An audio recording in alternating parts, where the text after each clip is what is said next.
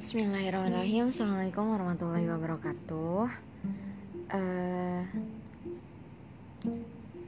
Apa kabar semuanya? Semoga Allah masih Melindungi kita Dengan Hal-hal yang baik.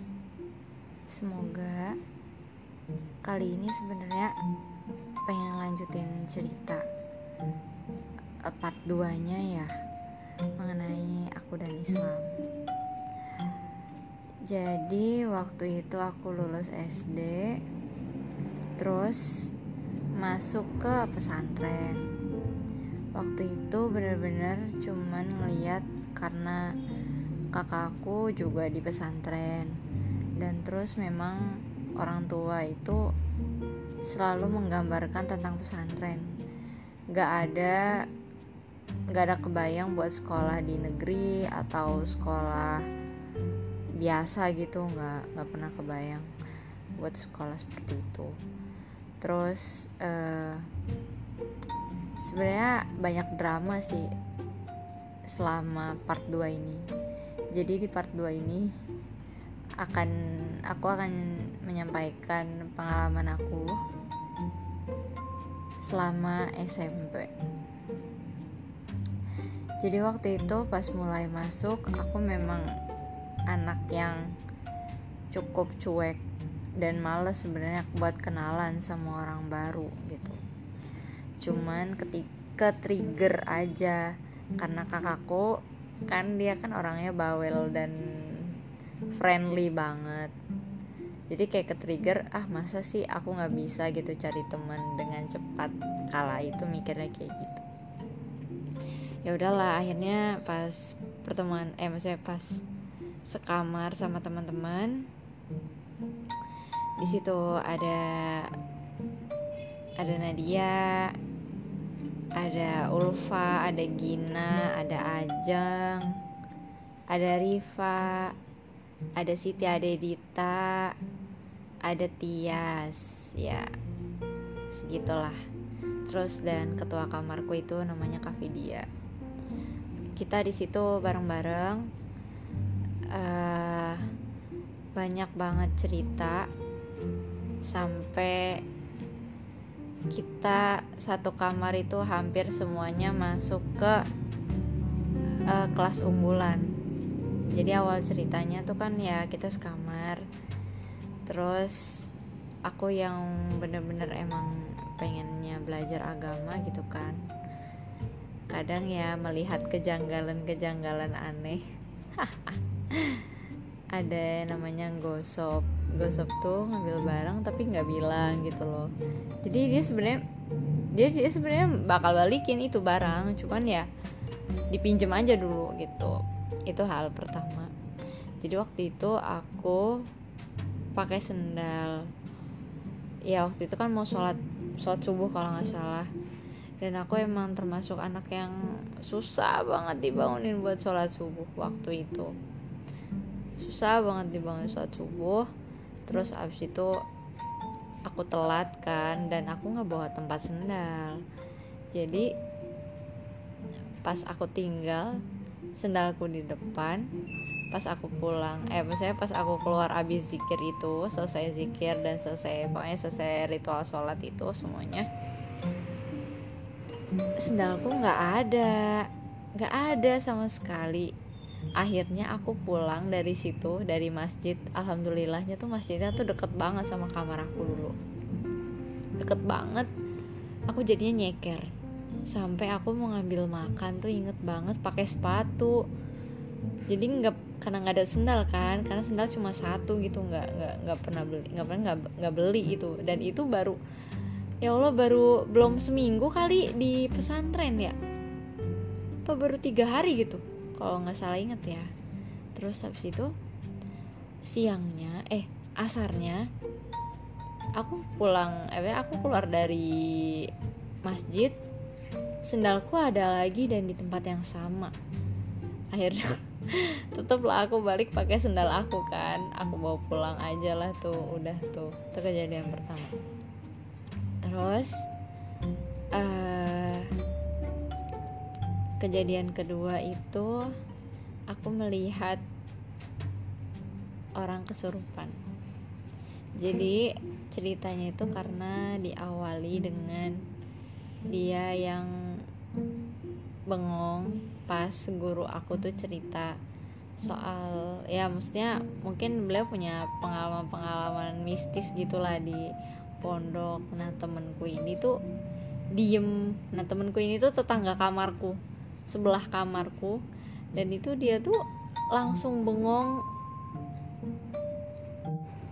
Dan terus tuh abis itu uh, karena dia pikiran kosong sampai tuh dia tuh sampai demam gitu. Maaf ya kalau bahasanya kita gitu kita gitu. Belum bisa minimalisir. Dia akhirnya kesurupan dan sempet ya sempet aneh gitulah. Ya namanya kalau orang kesurupan tau lah ya gelagatnya kayak apa anehnya kayak gimana. Cuman di awalnya tuh kayak demam biasa demam biasa. Dan karena ketua kamarku itu bagian kesehatan kala itu jadi dia diungsiin di kamarku dan di atas kasurku kebayang gak sih kalau misalnya ya aku nggak ngerti ya. Maksudnya karena waktu dulu aku masih bodoh dan tidak tahu apa-apa dan aku menganggap itu ya sesuatu hal yang sangat menakutkan kala itu ya. Dan dia itu tidur di atas kasurku si orang ini. Dan akhirnya dipanggil lah ustadz ustadz. Ustadz ustazah buat bantu dia biar sadar kembali dan itu kejadian kedua. Aku abis kejadian itu tuh aku kayak nggak ngerasa sesuatu ya. Maksudnya ya udah feel feel take it easy aja gitu. Kayak biasa aja walaupun aku tahu gitu di atas kasurku dia kesurupan gitu loh. Aku nggak ngerti lah waktu itu kayak gimana ceritanya. Tapi aku ngerasa biasa aja. Cuman ya kayak banyak teguran sih. Karena waktu itu kan kita masih anak-anak baru ya. Kamar tuh kotor maksudnya nggak rapih lah ya nggak rapi aku nggak ngerti sih maksudnya biasanya kan orang punya standar kerapihan masing-masing ya. Cuman mungkin uh, dengan penataan yang kurang baik mungkin itu jadi berantakan lah. Dan terlihat kotor kala itu. Udah tuh udah. Udah itu cerita kedua dan cerita ketiga ini termasuk uh, pengalamanku yang paling berkesan ya menurut aku gitu. Karena waktu itu baru banget belajar hadis. Aku inget banget mungkin uh, hadis yang pertama kali kita pelajari mungkin orang-orang ya orang-orang pasti tahu tentang bab niat ya tentang niat gitu. Apa sih? Uh, inna amalu biniyah nah pokoknya itu itu yang pertama. Segala sesuatu itu harus dari niat kan? Dan itu kayak yang ya juga ya ya juga ya. Pokoknya kayak pengetahuan baru banget di situ. Tapi walaupun sebelumnya udah pernah belajar tapi kayak yang bodoh amat gitu loh di TPA gimana sih? Orang mau pengennya main doang kan? Ya gitulah. Terus pas kala itu aku jadi mikir iya ya semua pekerjaan itu harus ada niatnya. Gimana sih cara kita menempatkan diri kita? Mungkin kita bantu orang tua. Ya kalau misalnya kita benar-benar murni niat untuk membantu mereka mungkin ada ada pahala di situ gitu kan. Ya karena semua amal yang kita lakukan tergantung niatnya gitu. Jangan sampai hal-hal yang apa ya kita kan nggak tahu hati orang ya. Jadi yang kita lihat zohir belum tentu yang di hati orang-orang yang melakukan itu ya ingin seperti itu gitu. Mungkin ada hal yang kurang baik gitu kan dalam kacamata kita. Tapi ya jangan sampai kita bersuuzon gitu sama perilaku orang lain dengan sikap dia yang seperti itu. Terus uh, satu lagi hadis. Waktu itu inget banget tentang tid apa ya lebih baik ditusuk oleh besi panas daripada menyentuh wanita aduh aku lupa itu hadis riwayat siapa. Pokoknya itu sohih itu sohih hadis hadis sohih dan mulai dari situ aku bener-bener yang ngejaga banget. Saya ngejaga banget tuh nggak mau lah buat sentuhan sama siapa pun gitu. Maksudnya kecuali sama yang mahrum ya. Uh, sama teman aja sampai pernah dikatain sombong gara-gara nggak mau salaman dong ya karena ya gue ngerti gitu loh kalau misalnya kayak gitu maksudnya kalau misalnya di hadis itu aja lebih baik ditusuk daripada sentuhan. Itu kan yang sesuatu yang kebayang gak sih? Ya mungkin kita di dunia ini nggak kebayang ya. Cuman kan kita kan hidup untuk akhirat. Kalau misalnya kita langgar itu kayak gimana gitu? Terus udah sering berjalannya waktu banyak kejadian-kejadian yang di luar pemikiran aku ya. Kakakku jadi sering sakit. Emang sih dia dulu emang sering sakit cuman ini lebih parah sih karena dia tambah stres juga. Karena waktu pas dia bareng sama aku itu dia turun kelas gitu loh. Maksudnya turun kelas tuh gini uh, dia dari program unggulan turun ke program biasa. Dan aku sebenarnya itu masuk program unggulan cuman pas kelas satunya ya aku masuk program unggulan cuman aku mikir kenapa nggak kita dari awal aja toh kalau misalnya memang rezeki untuk ke sana pasti akan di sana gitu. Ya akhirnya ya ketemulah sama teman-temanku yang sekamar ini dan kita memang benar-benar berjuang untuk sampai di tempat unggulan itu. Terus uh, pas kelas 2 ya mulai masuk ke dunia baru karena di tempat unggulan orang-orangnya pun ya pinter-pinter lah. Beneran pinter maksudnya. Karena aku di sana tuh uh, peringkat aja tuh seratusan gitu loh.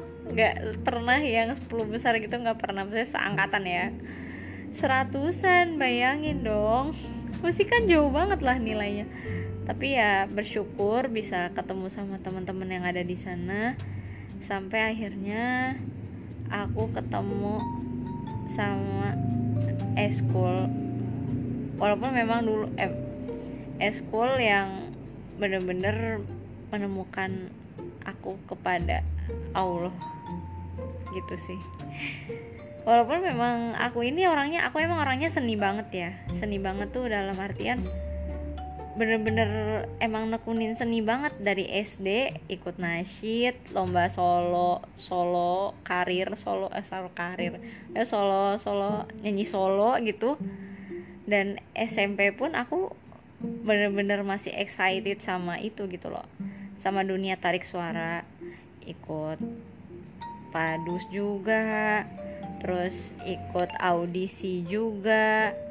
Terus ya audisi kayak gitu deh pokoknya. Itu yang bener-bener yang aku banget gitu. Karena memang aku sangat sangat sangat sekali suka nyanyi. Bener-bener suka nyanyi. Sampai akhirnya uh, waktu itu aku bener-bener pengen ikut kajian gitulah. Karena emang di pesantren ini kan emang kegiatannya seluruhnya tuh hampir ya 90% agama lah ya. Cuman kayak biasa aja gitu ngerasanya sih ngerasanya biasa aja. Ya karena memang suka nyanyi banget ya. Maksudnya emang emang emang suka gitu bener-bener suka emang hobi hobi banget gitu kan. Sampai waktu itu ikut audisi dan masuk ke grup vokal itu ada sekitar enam orang. Waktu itu aku udah mulai masuk eskul tahfid ikut dong ya ikut dong. Karena pokoknya ini panjang ceritanya waktu itu dengar kajian awalnya. Jadi tuh uh, setiap sore ustadznya ini yang ngajar tahfid itu dia mesti ngasih kajian gitu loh seminggu sekali. Dan itu aku interest banget. Karena penyampaian beliau tuh ya namanya mungkin waktu itu masih remaja dan labil banget. Jadi ketika mendengar suatu hal yang baik kan otomatis kita tersentuh gitu ya. Dan uh, jelasin lah soal kerudung waktu itu. Ingat banget. Coba sekarang kata-katanya ya. Coba sekarang kalian. Beneran pakai kerudung. Tapi masih kelihatan tuh rambutnya masih kelihatan tuh lehernya. Karena waktu itu masih zaman zamannya Paris. Tahun 2000 2012 kalau nggak salah. 2012 tuh masih zaman zamannya pak banget Paris 2012 2013 tuh kan masih zaman zamannya banget Paris masih pakai Paris. Akhirnya dengan hal kayak gitu membuat aku berniat untuk double kerudung. Jadi biar nggak nerawang kan tujuannya biar nggak nerawang jadinya pakai double kerudung. Pokoknya double double Paris lah. Parisnya pakainya double. Dan setelah itu mulai rutin ya walaupun memang masih nyicil. Karena aku udah masuk situ dan waktu itu aku bolos dong bolos. Nggak ikut kajian sore kalau nggak salah ya. Ikut kajian sore. Cuman gara-gara final audisi itu audisi nyanyi itu.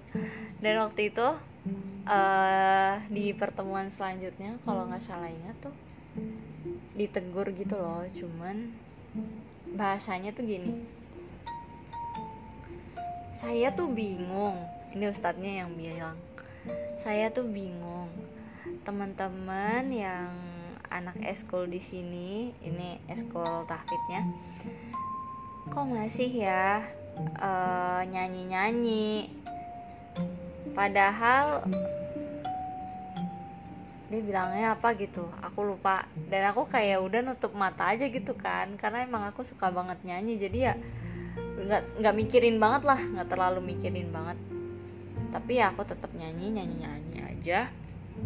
Karena menurutku ya itu nggak mengganggu kehidupanku saat itu.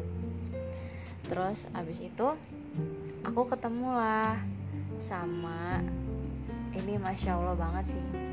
Beliau tuh termasuk teman.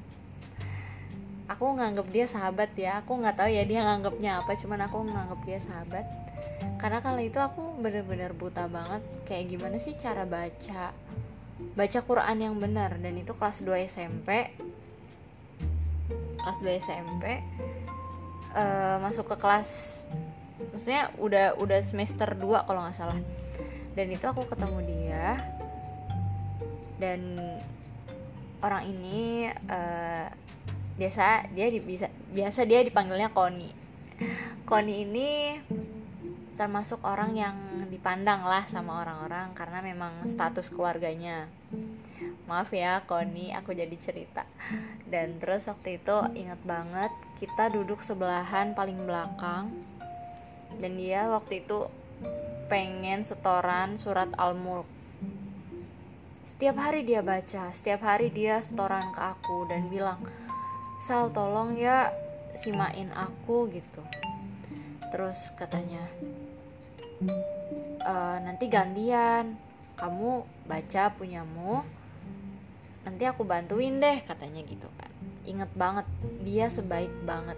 Dia sebaik itu sama aku walaupun banyak gosip yang beredar tentang dia itu jelek. Dan aku tuh kayak kesel banget sama orang-orang yang kayak gitu. Pokoknya bener-bener kayak ya Allah jangan ya Allah. Pokoknya orang-orang itu tuh salah. Dia tuh nggak kenal siapa Koni gitu waktu itu.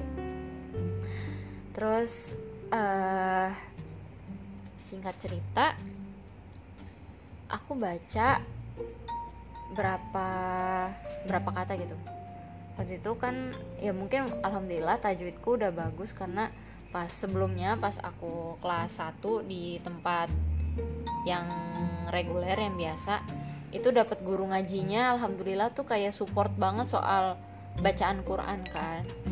Walaupun gak sedetail yang diajarin pas aku masuk ke eskul tafid.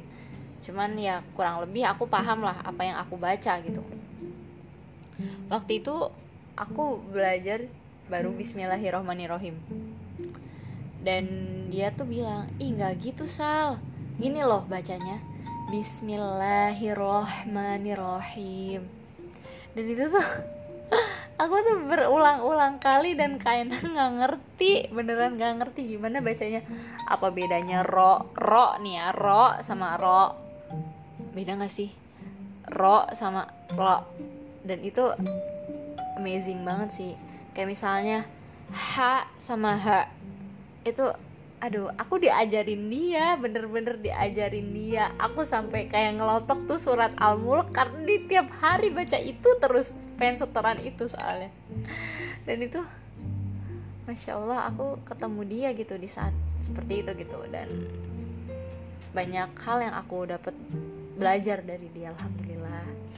Dan waktu itu dengan kebodohanku aku pernah uh, karena nggak ngerti ya waktu di di pesantren tuh kayak capek kayak capek gitu loh. Mungkin ya emang orang-orang juga capek ya.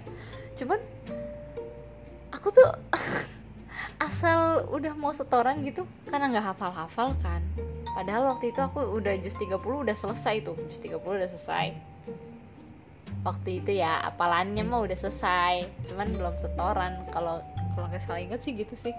Terus aku tuh asal mau setoran tuh tidur. Jadi kayak ketiduran gitu kan. Ketiduran karena uh, setiap abis maghrib karena aku nggak ngaji kelompok lagi dipindahin lah ke kelas ngajinya. Karena kan ikut si eskul tahfid ini. Aku tuh seringnya tidur. Dan Astagfirullahaladzim. Dan ketuanya tuh ketuanya tuh kayak kesel banget sama aku sampai aku dikeluarin guys gara-gara aku tidur. Jadi mohon maaf ya karena memang bakat tidurku sudah sejak dahulu kala jadi tapi alhamdulillah kalau sekarang sekarang sih udah better lah dari yang dulu lah. Alhamdulillahnya seperti itu.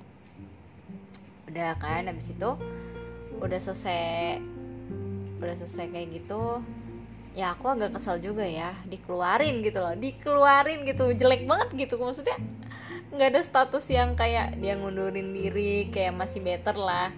Dikeluarin dong. Dikeluarin. Itu kayak yang gimana gitu. Dan aku kayak udah lazy going aja. Udah biasa aja. Biasa aja. Sampai suatu saat tuh aku kan emang orangnya ngeyelan banget dan keras kepala sebenarnya ya nggak tahu ding sampai saat ini mungkin aku keras kepala juga. Terus uh, kalau mau cerita mundur jadi kelas 1 itu juga aku sempat punya masalah sama kakak kakak kelas aku. Cuman karena aku bilang aku nggak suka sama gayanya yang kayak gitu. Ya kayak gitu tuh kayak gimana ya terserah aku lah ya. Pokoknya ya menurut aku nggak pas aja gitu buat dia seorang kakak kelas yang berperilaku seperti itu gitu. Aku waktu itu cuma cuma komen kayak gitu dan aku dilaporin ke orangnya langsung dan aku dipanggil dan disidang. Waktu itu aku masih kelas 1 SMP dan orang yang nyidang aku itu kelas 5 yang yang yang aku komen itu orangnya kelas 2 SMP kelas 5 tuh maksudnya kelas 11 ya? Kelas 11 atau kelas uh, eh, 2 SMA inget banget kayak gitu ceritanya. Nah itu keulang lagi di kelas 2 apa kelas 3 gitu. Aku aku kan emang kayak asal zikir tuh ya zikir mah zikir ya. Cuman kan namanya orang kelamaan duduk gitu ya ngantuk gitu. Jadi tuh kayak ngangguk-ngangguk gitu kan. Aku tuh berantem sama kakak kelas aku cuman gara-gara aku bilang aku tuh nggak tidur loh uh gitu. Sampai ngomong kayak gitu. Dan dia bilang dan dia ngomong lagi ke aku kayak gini. Ente tuh nggak lihat kalau ente tidur. Ana yang lihat. Ente mah kan nggak ngerasain kalau ente tidur. Terus gue mikir iya juga ya kan dia yang lihat gue tidur. Tapi tuh aku di situ bener-bener kayak nyolotnya setengah mati. Nggak nggak kayak nggak pengen ngalah gitu loh. Kalau gue tuh nggak salah gitu. Dan itu sih ya ya udahlah ya. Emang nggak tahu sih emang orangnya beranian banget lah. Jadi nggak ngerti. Dan itu sih alhamdulillah untuk sekarang ini udah lebih baik lah ya. Terus dan karena itu hmm, berkali-kali juga aku pelang melanggar. Karena kalau kayak gitu tuh masuknya pelanggaran ibadah sama pelanggaran aman. Aman tuh keamanan gitu loh. Jadi kayak sesuatu hal yang tidak sesuai dengan peraturan ya. Jadi tuh harus ada kayak gitu. Nah waktu itu aku baru masuk eskul juga eskul pramuka. Nah namanya tuh pasut pasukan khusus darel kolam jadi nyebut nama nih pesantrennya. Ya udahlah ya. Terus habis itu uh, ikut itu waktu itu baru awal masuk. Nah aku punya masalah lagi sama bagian ibadah. Karena waktu itu aku sering banget telat sholat namanya telat bangun subuh. Telat bangun subuh tuh maksudnya jadi tuh kalau di pesantren kan mesti uh, sebelum sebelum subuh satu jam sebelum subuh atau dua jam sebelum subuh tuh harus udah stay di masjid kan? Dan aku tuh sebelum azan banget baru ke masjid. Dan itu udah ketahuan berkali-kali lah. Dan kayak mungkin kayak si bagian ibadahnya ini nih ngincer aku gitu loh padahal aku udah berusaha secepat mungkin tapi karena dia ngincer aku jadi kayak ketemu-ketemu aja gitu. Sampai akhirnya dia laporan sama ustazah. Dan aku baru selesai wudhu mau keluar ketemu lagi sama si ustazah. Eh bukan ketemu lagi ya. Ketemu sama ustazah.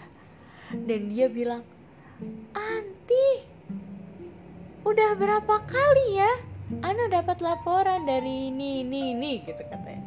Terus dia bilang mulai nanti nanti istirahat pertama anti jemur ya depan pengasuhan sama masjid. Jadi tuh uh, masjid di apa di tempat unggulannya Ahwat itu tuh depannya ruang pengasuhan ya. Kalau dulu ya kalau dulu tapi kalau sekarang mungkin aku nggak tahu.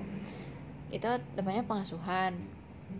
Dan mungkin kayak easy going aja karena biasanya juga banyak orang yang jemur di situ udah pede banget lah udah bawa bangku.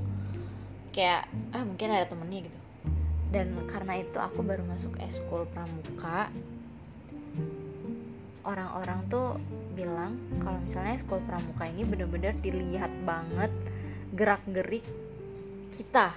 Maksudnya sebagai individu di sana ya. Maksudnya gerak-gerik kayak misalnya dia pelanggar apa enggak bangun kesiangan apa enggak hubungan dia sama ustazah gimana hubungan dia sama kakak kelas gimana. Pokoknya yang kayak bener-bener personal personality banget lah. Nah saat itu aku baru dua hari masuk di eskul itu dan aku telat telat ya subuh tadi itu.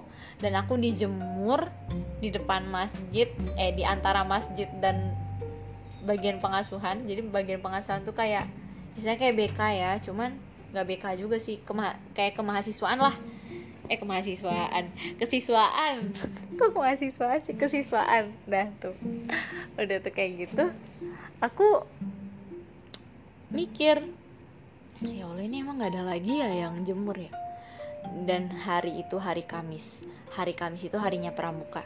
Otomatis si kakak-kakak bagian pramuka itu bakal ngeliat gerak-gerik si adik-adiknya yang ikut di dalam pasukan khusus kan di pasut itu. Aku udah panas dingin aja beneran deh.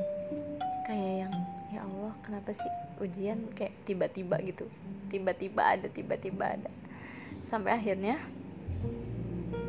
aku cuman ya berusaha semampuku sebisaku untuk melalui itu semua ya waktu itu uh, sampailah kelas 3 SMP pokoknya alhamdulillah aku masih stay di eskul itu kalau untuk eskul tafid aku udah nggak lagi karena aku dikeluarin guys. Aku dikeluarin. Terus uh, aku tetap masih tetap nyanyi karena waktu pas aku masuk pasut itu skill aku nyanyi. Pokoknya skill aku suara handicraft handicraft sama pioneering gitu dan ya udahlah ya uh, waktu itu kan masih lomba LT LT tuh lomba antar uh, kelompok ya. Maksudnya kalau di Darko di Darko 2 itu kan ada dua kelompok Athena sama Fortuna. Jadi ya mereka saingan gitu loh. Ada ada memang memang ada campionnya gitu. Dan aku waktu itu lomba kelompokku tuh alhamdulillah selalu menang gitu alhamdulillahnya jadi kita mulai solid di situ. Dan gak kepikiran sih buat keluar ya dari pesantren kala itu. Walaupun memang banyak hal-hal yang gak enak gitu. Kayak misalnya sempat dijauhin teman karena ya itu ngelanggar.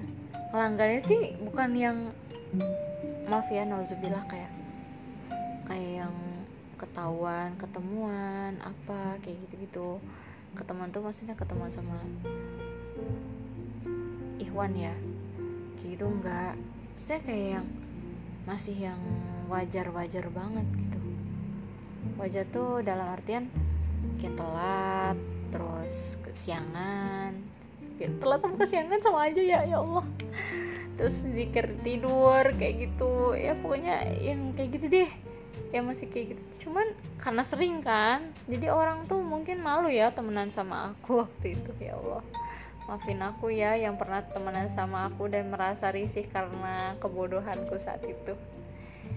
Terus uh, sempet nggak betah kan karena hal itu.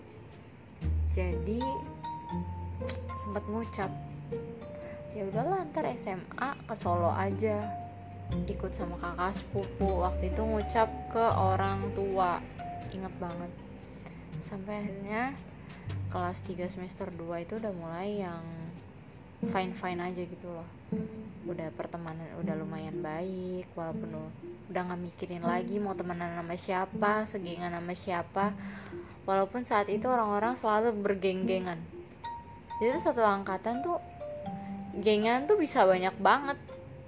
Dan aku termasuk orang yang nggak geng-gengan dan cuman temen aku yang mau sholat di samping aku itu cuma satu. Tapi ya gimana ya?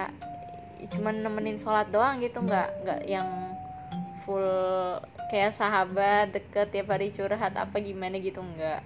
Jadi tuh waktu itu aku kendala kendala aku waktu itu aku jadi nggak deket sama teman-teman cewek. Gitu waktu itu. Terus uh, tapi ya mau gimana lagi ya ya udahlah ya.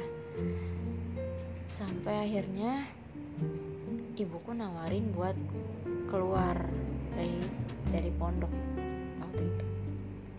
Keluar dari pondok karena ngerasa kayaknya kalau misalnya di sini banyak konsep-konsep yang berubah gitu. Maksudnya dalam pemahaman agama ya. Ya mungkin memang orang tua aku punya prinsip sendiri gitu walaupun memang anaknya nggak ngerti lah. Kan karena masih ya remaja labil kayak gitu mah. Mau apa sih gitu kan istilahnya mah. Cuman waktu itu percaya semoga ini memang pilihan terbaik dari Allah. Sampai akhirnya aku curhat kan sama teman-teman aku. Nggak nggak curhat langsung sih cuman bilang kebayang gak sih kalau misalnya aku keluar gitu?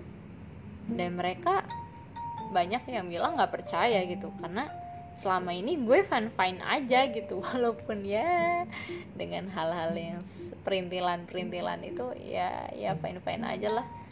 Cuman waktu itu memang agak nggak tega juga karena harus meninggalkan adik adik aku sama adik yang paling nempel sama aku. Jadi tuh aku kayak aku ngerasanya mungkin dia tuh adik aku gitu.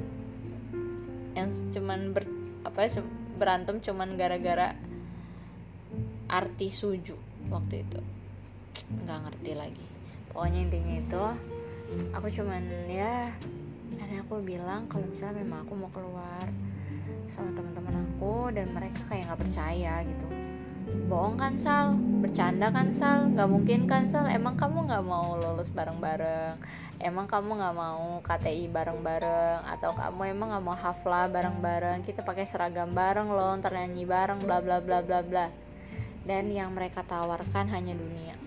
Ya karena memang kalau itu apa sih yang kita pikirin? Maksudnya ya masih usia labil 15 tahun 16 tahun ya usia kayak gitu mah ya wajar-wajar aja sih kalau misalnya emang mikirnya cuman kayak gitu mah ya.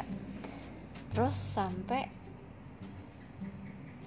akhirnya aku mikir gini ketika semuanya harus memang memang keputusannya harus keluar waktu itu aku dijenguk kan jenguk siang-siang eh siang-siang heeh ayahku sorenya pulang ayahku sama ibuku sorenya pulang.